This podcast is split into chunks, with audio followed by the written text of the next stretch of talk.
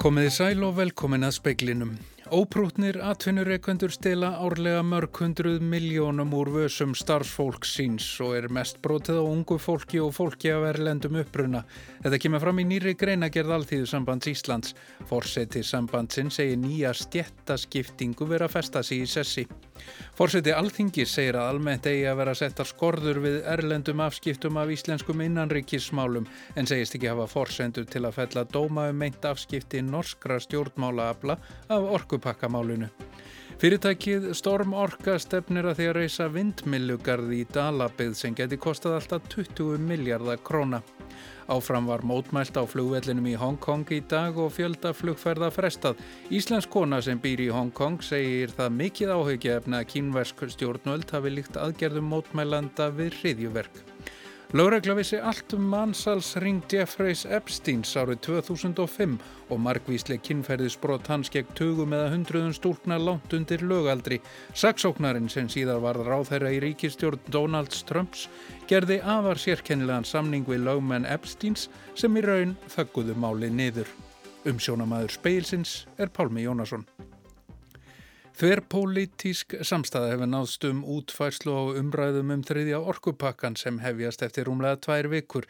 Stemt er að því að ræða þingsáleiktuna til um orkupakkan 5. daginn 28. ágúst og þrjú tengt mál næsta dag. Atkvæða greiðsla verður svo mánudaginn annan september. Stengrimur Jóð Sigfúrsson fórseti Alþingi segir tvær hliðar á því hvort að koma erlendra stjórnmála aflað innanríkismálum á Íslandi sé réttlætanleg. Guðlugur Þór Þórðarsson, auðanríkisráð þeirra, sagði í sjómarsfrettum í gær að það væri fullkomlega óeðlilegt að norska hagsmuna hefði afskipti af umræðum um þriðja orkupakkan á Íslandi. Norsku samtökin Nei til EU eða Nei við ESB hafa barist gegn innleiðingu orkupakkans þar í landi en samtökin hafa líka fylst með umræðin á Íslandi. Björn Bjarnason, fyrverandi ráþara sem nú er formaður starfsóps utanríkisráþara um aðeld Íslands að Evróska efnahagsvæðinu, hefur sakað samtökinum að mata tengiliði sína á Íslandi á raungum upplýsingum um afleiðingar af samþygt orkupakkan sér. Stengrimur segist ekki þekkja efnislega til þessa máls og hann get ekki felt neina dóma eða tjási um það. Segir bara um það almennt að, að jú, það eiga að vera settar skorður við því að, að, að menn geti utanfrá og frá öðrum löndum blanda sér um ofi okkar innri mál sem við eigum að leysa úr sjálf, tala nú ekki um ef að, ef ef að fjármunir eru, eru beinlega snýttir inn í slíkt en á hinbógin má ekki gera lítið úr mikilvægi þess að menn geti borið saman bækur sínar millir landa og norrænt samstarf og margskonar norrænt samskipti eru stór hluti af okkar, okkar starfi hér. Þannig að, að það eru tvær hlýðar og því algjörlega. Fjöldaflugferða var frestað á alþjóðaflugvellinum í Hongkong í dag annan daginn í röð. Áfram var mótmælt á flugvellinum í dag. Óerðalögregla beitti piparúða gegn mótmælendum þegar reynd var að flytja slasaðan mann í sjúkrabíl. Helga Björk Jónsdóttir, sem hefur búið í Hongkong í sex ár, segir það mikið áhugjefni að kínverk stjórnvöld hafi í gær sagt að aðgerðir mótmælenda jæðri við hriðjuverk. Bara það var ónotað orðið hriðjuverk um, sé mikið ágefni vegna þess að það gefur í raun og veru til kynna að það hægt að beita mun meiri hörku heldur en hefur gert hinga til. Mótmælendur sakar lauruglum að beita of mikilli hörku. Saminuðu þjóðunar tóka vissuleiti undir það í dag þegar talsmaður mannreittindastjóra samtakana kvatti stjórnvöldi í Hongkong til þess að rannsaka tafalust atvik þar sem lauruglumenn sjást beita táragasi á hátt sem samræmist ekki alþjóðlegum reglum. Helga Björk segist finna óta á meðal Hong Kong búa.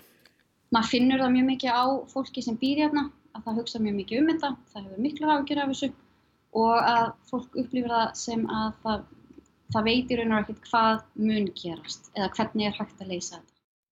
Þetta var Helga Björk Jónsdóttir í Hong Kong, Óluf Ragnarsdóttir talaði við hana. Gengi argentínska pesoans hækkaði í dag um rúnlega 4% eftir hátt í 18% að falli í gær. Þá lækkaði argentínska hlutabrjáavísitalan um 38% í gerð. Þetta gerðist í kjölfar þess að Mauricio Macri fórseti tapaði á sunnudag með miklu mun fyrir helsta pólitíska anstæðingi sínum í fórkostningum fyrir fórsetakostningarnar í landinu í oktober. Anstæðingurinn Alberto Fernández, frambjóðandi peronista, fekk 15% um fleiri atkvæði en fórsetin og þeir líklegur til að tryggja sér ennbættið í haust. Vinsældir Makrís forseta hafa dalaðað undanförnu vegna efnahags örðuleika í Argentínu.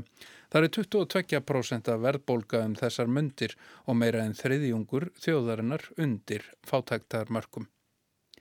Ráðamenn í Írak eru andvíir því að Ísraelsmenn taki þátt í aðgerðum til að tryggja öryggi og oljuskipa á Persaflóa. Þetta sagði Mohamed Ali Hakim, utanríkisráð þeirra Íraks, á samfélagsmiðlum í dag og sagði að ríki við Persaflóa gætu séð um öryggiskeslu á svæðinu. Í ljósi ímissa atvekað undanförnu og vaksandi spennu í samskiptum við Íran hafa bandaríkja menn verið aðal kvatamenn að því að vestrann ríki sendi herskip til Persaflóa til að tryggja að óljuskip getur silt þar um ánhindrana. Breitland hefur eitt Európuríkja staðfest þáttöku í slíku verkefni. Ísælskir fjölmila greindu frá því nýlega að rætt hefði verið á ríkistjórnarfundi að Ísælsmenn aðstóðuðu við verkefni með njóstnum og á ímsan annan hátt. Amir Hatami, varnamálar á þeirra Íran, saði fyrir helgi að það yrði einungist til að auka spennuna sendu vestranríki herskip til Persaflóa og að þáttaka Ísæsmanna í slíku verkefni kynna að hafa örlagaríkar afleiðingar. Hakim, utarrikisráð þeirra Íraks, tók í samastrengi í morgun og sagði að stjórnvaldi Bagdad myndu leggja sitt að mörgum til að læja öldur. Kristján Róbert Kristjánsson sagði frá. Hundruð manna í nokkrum þorpum á eiginu Evia norðaustur við aðhennu í Greiklandi voru flutt af heimili sínum í dag vegna skóarelda sem blossuð upp í nótt. Kyriakos Mitsotakis, forsættisráþara, hefur frestað för sinni til Krítar vegna þess hver alvarlegt ástandið er. Mikill reykur berst til aðhennu frá eiginu. Þrýr bílar tjaldferða langa hafa orðið eldinum að bráð. Kvassviðri er á eiginu og mikill reykur sem hamlar slökkvistarfi. Gríkir hafa leitað til annara Evrópusambandsríkja um aðstof við að ráða niðurlögum eldana. Hún er á flugvelum frá Ítalju og Kroatíu síðar í dag til að aðstóða við slökkvistarfið. Listasafnið og Akureyri hefur neðist til að sjá um rekstur kaffihús á safninu í sumar eftir að fyrri eigendur létu af rekstrinum. Safnstjórin segir að þetta fyrirkomulag sé ekki æskilegt til frambúðar. Listasafnið var opnað aftur eftir miklar endubætur í lok ágúst í fyrra og samhliða því var rekstur kaffihús á safninu bóðin út. Marta Rún Þorðardóttir og Ágúst Már Sigursson hófi rekstur en letu af honum 5. júni. Hlinur Hallsson, sattstjóri á listasafninu, segir að nú sé verið að leita nýjum rekstraræðilum. Við myndum mjög gerna vilja að eh, eitthvað fært fólk myndi hérna koma að rekstri kaffihúsins, svo við þurfum ekki að sjá um það en Núna á meðan að við erum ekki með rekstur aðila þá, þá björgum við þessu bara og það er bara gengið fín. Þráttur að reksturinn hafi gengið ágætlega í sumar var oflítil velta meðal annars ástæðan fyrir því að fyrri eigendur hættu. En er hægt að reka kaffihús í listasafninu á Akureyri? Þetta er spennandi nýtt safn sem við erum með og ég held að það sé hægt að uh, búa til andrusloft fyrir uh, bara gott og blómlegt kaffihús hérna. En er ekkit undarlegt að Akureyrabær reki kaffihús í beitni samkefni við önnur kaffihús í bænum? Jú, auðvitað og enda er það ekki hugmyndin að vera það. Það er sem sagt, hugmyndin er að við leiðjum út húsnæði Já. og síðan kom einhver aðili hérna að og, og reki eh, kaffihúsið.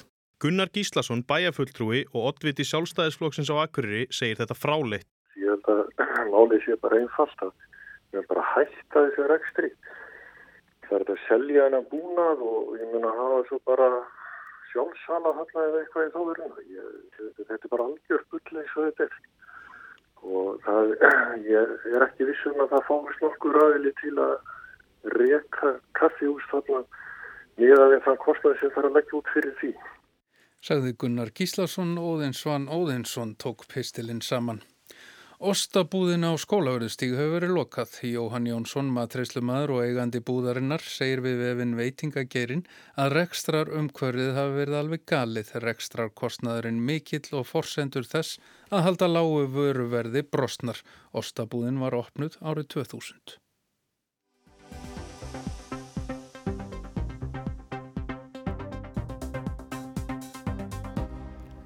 Óprútnir atvinnureikendur stela árlega nokk nokkur miljónum úr vössum starfsfólks af erlendum uppruna. Aukið vinnustada eftir lit hefur leitt til þess að erlend starfsfólk leitar frekar til stjættarfélaga en brotum gegn því hefur ekkert fækkað.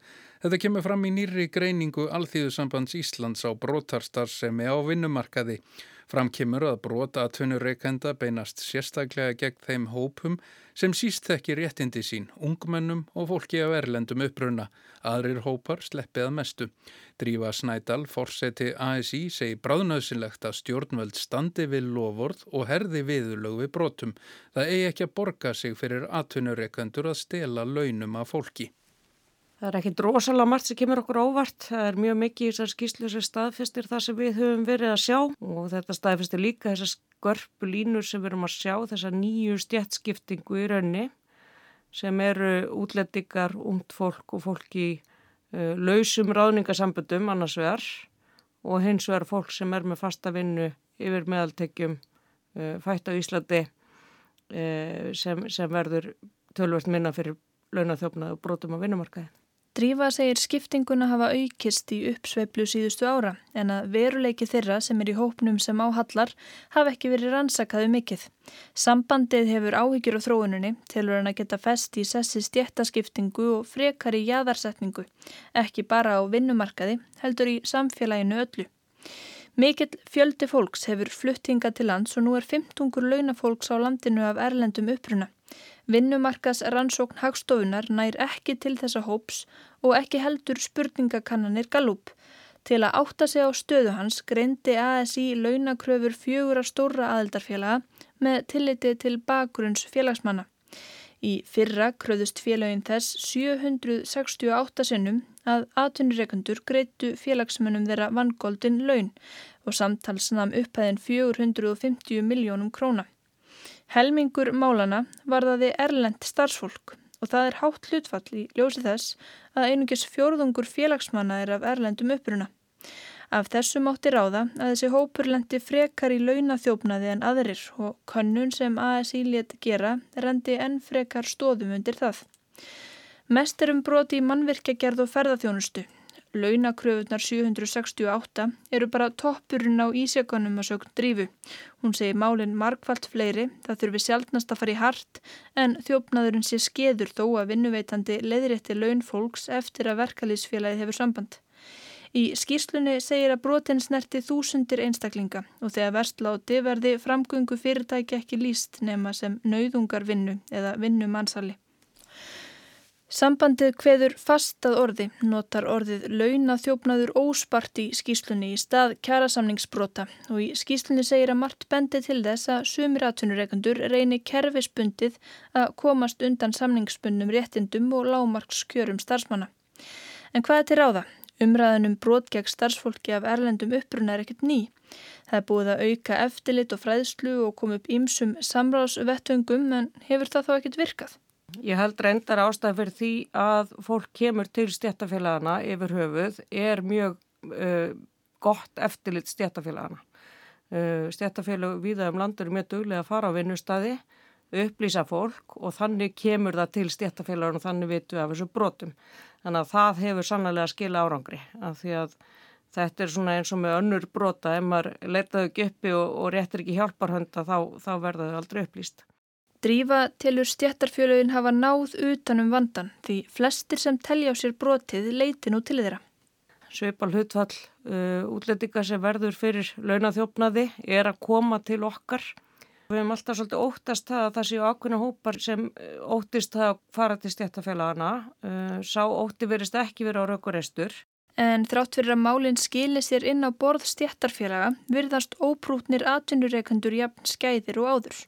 Já, margir er það. Uh, síðan ætla ég líka að segja frá því að það eru ímsir afturreikundur sem koma til okkar og segja eru þið til í að herða eftirlitið að því að við erum að verða undir í samkeppni við fyrirtæki sem eru undirbjóða af því að þau eru að greiða ólulega lág laun.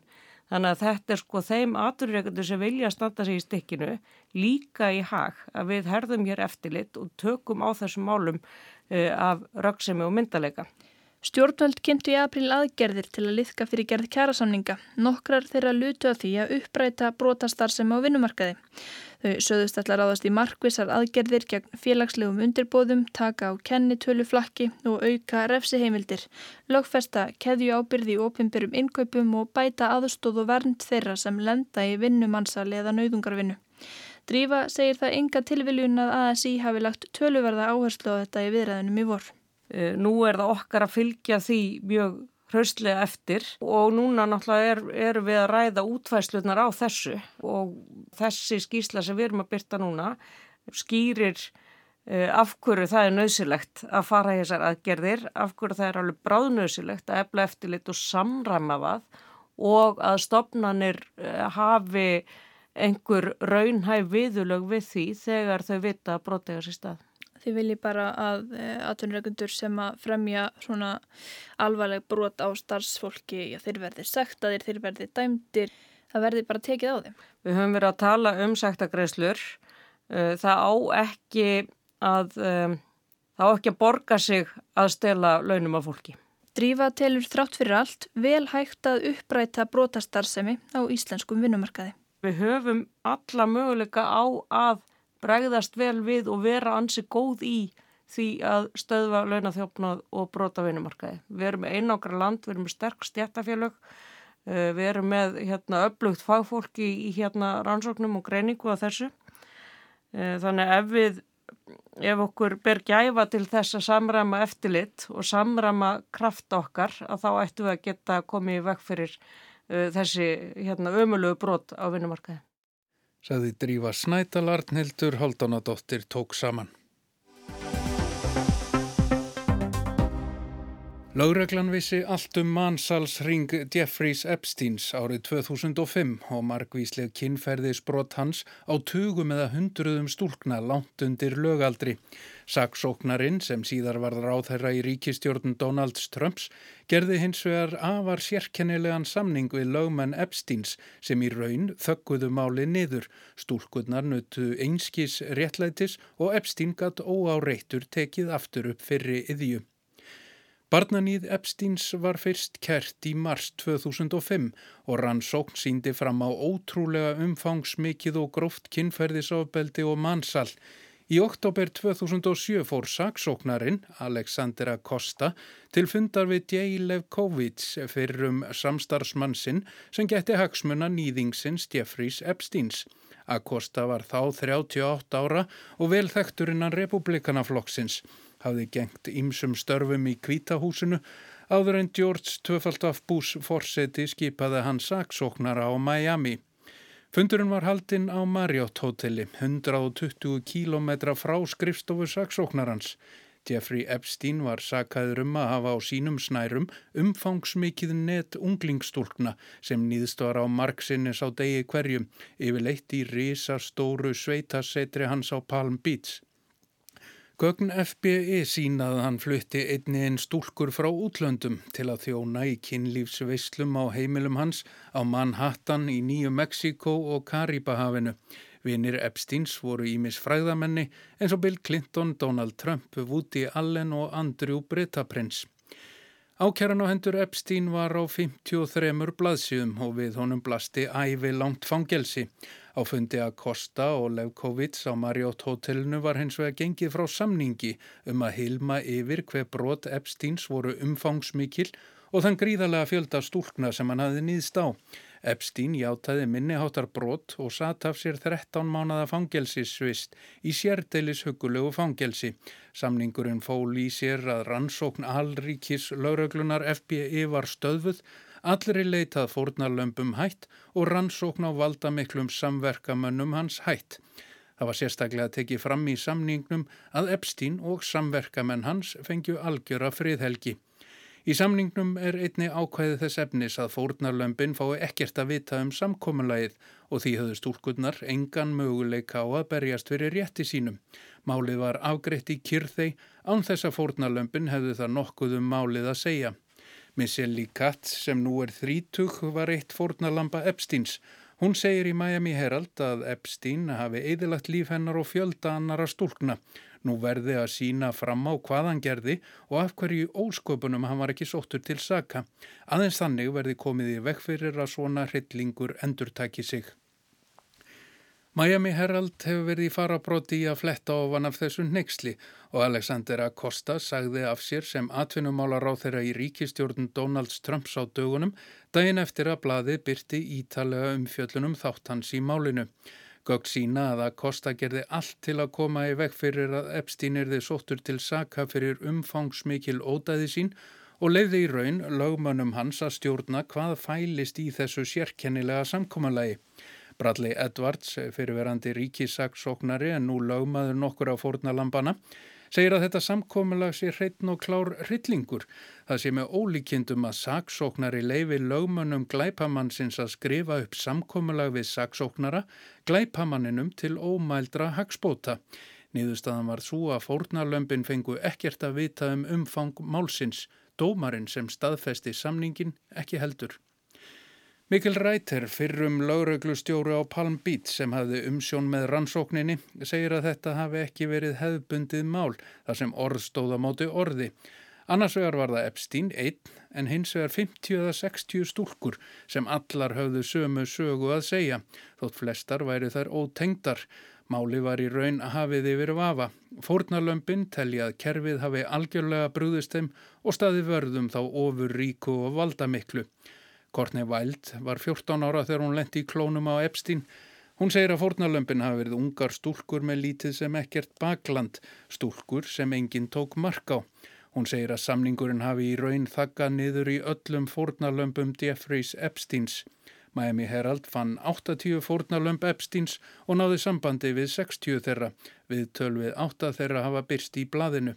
Nokkrar eru látnar, meðal annars einn sem fannst látin á nýðurnýtu hótelherbergi eftir ofstóran skamt af heroinni. Hún let eftir sig ungan són. Samningurum fól í sér að Epstein viðukendi tvö vandismál. Í öðru tilfellinu var stúlkan 14 ára en einhverja síður skilgreint sem vandiskona. Lögmaður hennar, Spencer Kúvin, segir að nýðst hafi verið á henni tvísvar. Fyrst af Jeffrey Epstein og síðan réttarkerfinu sem afgreitana sem vandiskonu. Jasmín Vafa, lögmaður sem barist hefur fyrir fórnarlömp kinnferðis ofbeldis, segir að ótrúlega lítið hafi verið gert úr glæpum Epsteins og fórnarlömpum hans sem voru afgreitar sem hórur. Það sé ekkert til sem heiti barnavændi, sangkvæmt lögum sé það barna mannsal. Epstein hefði augljóslega átt að hljóta lífstíðardóm en ekki samning á silfurfati sem þakkaði málið niður. Brad Edwards, lögmaður tveggja fórnarlampa, lýsir samkommulaginu sem samsæri stjórnvalda og Epsteins um að þeia málið í hel. Hagsmunir stúlknana hafi algjörlega verið hunsaðir. Málið síni svart á kvítu að í bandaríkjónum er eitt réttarkerfi fyrir almenning en allt annað fyrir hérna ofur ríku og valdamiklu. Fyrirtækið Storm Orka stefnir að því að reysa vindmilugarð í dölunum sem geti kostað 15 til 20 miljardar króna. Framkvæmdastjóri þess segir að vindorka sé næsta skref í orkumálum Íslendinga. Hann gerir sér vonur um að garðurinn rýsi eftir þrjú ár. Guðni A. Jóhannesson, orkumálastjóri áallar að um tíu fyrirtæki sækist nú eftir því að koma upp vindmilugörðum á Íslandi. Eins og kom fram í speklumni gæri er regluverkið um vindmilur óljóst og óvist hvenar eða hvort þessir gardar verða veruleika. Fyrirtæki Storm Orka er eitt þessara fyrirtækja og undirbýri vindmilugarð að hróðnýjar stöðum í Dalasíslu. Eigandur fyrirtækisins eru bræðurnir Magnús B. og Sigurður E. Jóhannesinir. Sigurður hefur tíu ára reynslu að umhverjast tengdu verkefnum og Magnús hefur starfað í yfir 20 ár við uppbyggingu endur nýjarlegrar orgu meðal annars í bandaríkjánum. Næsta skref í orgu málum Íslendinga að mínu viti er vindorkan. Segir Magnús B. Jóhannesson, hann bendur á að vindorkan sé orðin samkeppnishæfi bæði vassabl og jarðvarman, þess vegna sé hún álitlegur kostur. Hún sé algjörlega endurníjanlega orkan og afturkræf. Þegar þessi vindorkugarður sem við erum að vinna, ef hann kemst á koppin ykkur tjón, að þá getum við eh, farið í það þegar velarnar eru búnar að taka þær nýður og, og, og það sést ekkit engin ummerki eftir þetta, þetta verkefni. Þeir bræður vinnar á því að koma upp vindmjölugarði að hrónlega stöðum og miða er við að hann verði 80 til 130 megavött. En hvert er viðskiptamótil þeirra? Í Evróp er hægt að selja vindorku millir landamæra en hér snýst þetta um að selja orku í kerfi sem bundin er við Ísland. Einu munurinn á því er tengingar við um, umheimin. Íslendingar hafa flutt út raforku í ára tíu en þegar við höfum bara gert það í gegnum ál. Þannig í staðin fyrir að, að senda rafmagn í gegnum einhvern streng til einhvers viðskiptavinna sem er annar staðar, þá skiptir raun og veru ekki máli í mínum huga hvar sá viðskiptavinnur staðsettur, hvort hann er staðsettur á Íslandi eða, eða annar staðar. Við þurfum alltaf að selja orkuna til einhvers uh, sem notar hana og Íslandur lokakerfi það er alveg hár rétt og, og þar alveg verður við að finna viðskiptavinni hér heima til þess að taka við þessari orku sem að við erum að fara að framlega. En hver er sá viðskiptaverður? Er, er ekki ykkar eina leið að tengja ykkur inn á ja, dreifikerfi, raforku dreifikerfi landsins? Það er hinn þekta leið, jú, og það er leiðin sem við erum að skoða. Við erum að bæði að tala við landsnet um tengingar, við erum líka að tala við hugsanlega orku kaupundur sem eru nokkri ræðilar sem að koma þar til greina. Eh, verkefnið er að þeirri starðagráðu að, að við erum að tala um í, í 20 megavatta þannig að, að það getur verið líka fleiri en einn viðskiptafunur sem við þurfum að, að aflokkur til þess að fullnýta og selja allar áverkur frá verkefninu. Margir sækjast eftir því að koma upp vindorku verum. Magnús bendir á að það kosti mikið að leggja langar raflínur frá vindorkugörðum. Að leggja 20 eða 100 km línu myndi drepa þessi verkefni. Ímsar aðrar hindranir geta verið þegar kemur að ungverismálum eins og til dæmis hljóðmengun og fleira. Hann segir að þegar þeir bræður ákvaða að snúa sér að vindorkum hafið þeir skoða aðstæður um allt land og niðurstaðan var dalabyggð. En er plásfið þessa orku og hvað er menna að tala um hver hlutur vindorkunar geti verið? Ég held að sé pláss fyrir töluverða vindorku á Íslandi. Og hvað er það mikil orku? Það er svolítið erfitt að giska. Kristalkúlan mín segir mér kannski eitt en, en sko kristalkúla þín segir þér annað sko. Þannig að það er erfitt að segja til um það. Eh, ég get þó nefnt orkuskipti samgöngum sem krefast 5-600 eh, megavatta inn í kerfið að nýri orku, eh, gagnaverin öll sem eru að spretta upp og munu halda áfram að spretta upp. Bara þessi tvö sem dæmi krefjast töluverðar orku og þar eru viðskiptavinnir í lokuðu kerfi. Bræðurnir hafa unnið að undirbúningi þrjú ára og búast við að hann standi að mistakosti þrjú ári viðbót. Uppfylla þurfi ímis atriði, menn þurfi að vera þólumóðir og bjarsínir. Þetta sé stort verkefni en hvað er áallad að það kosti?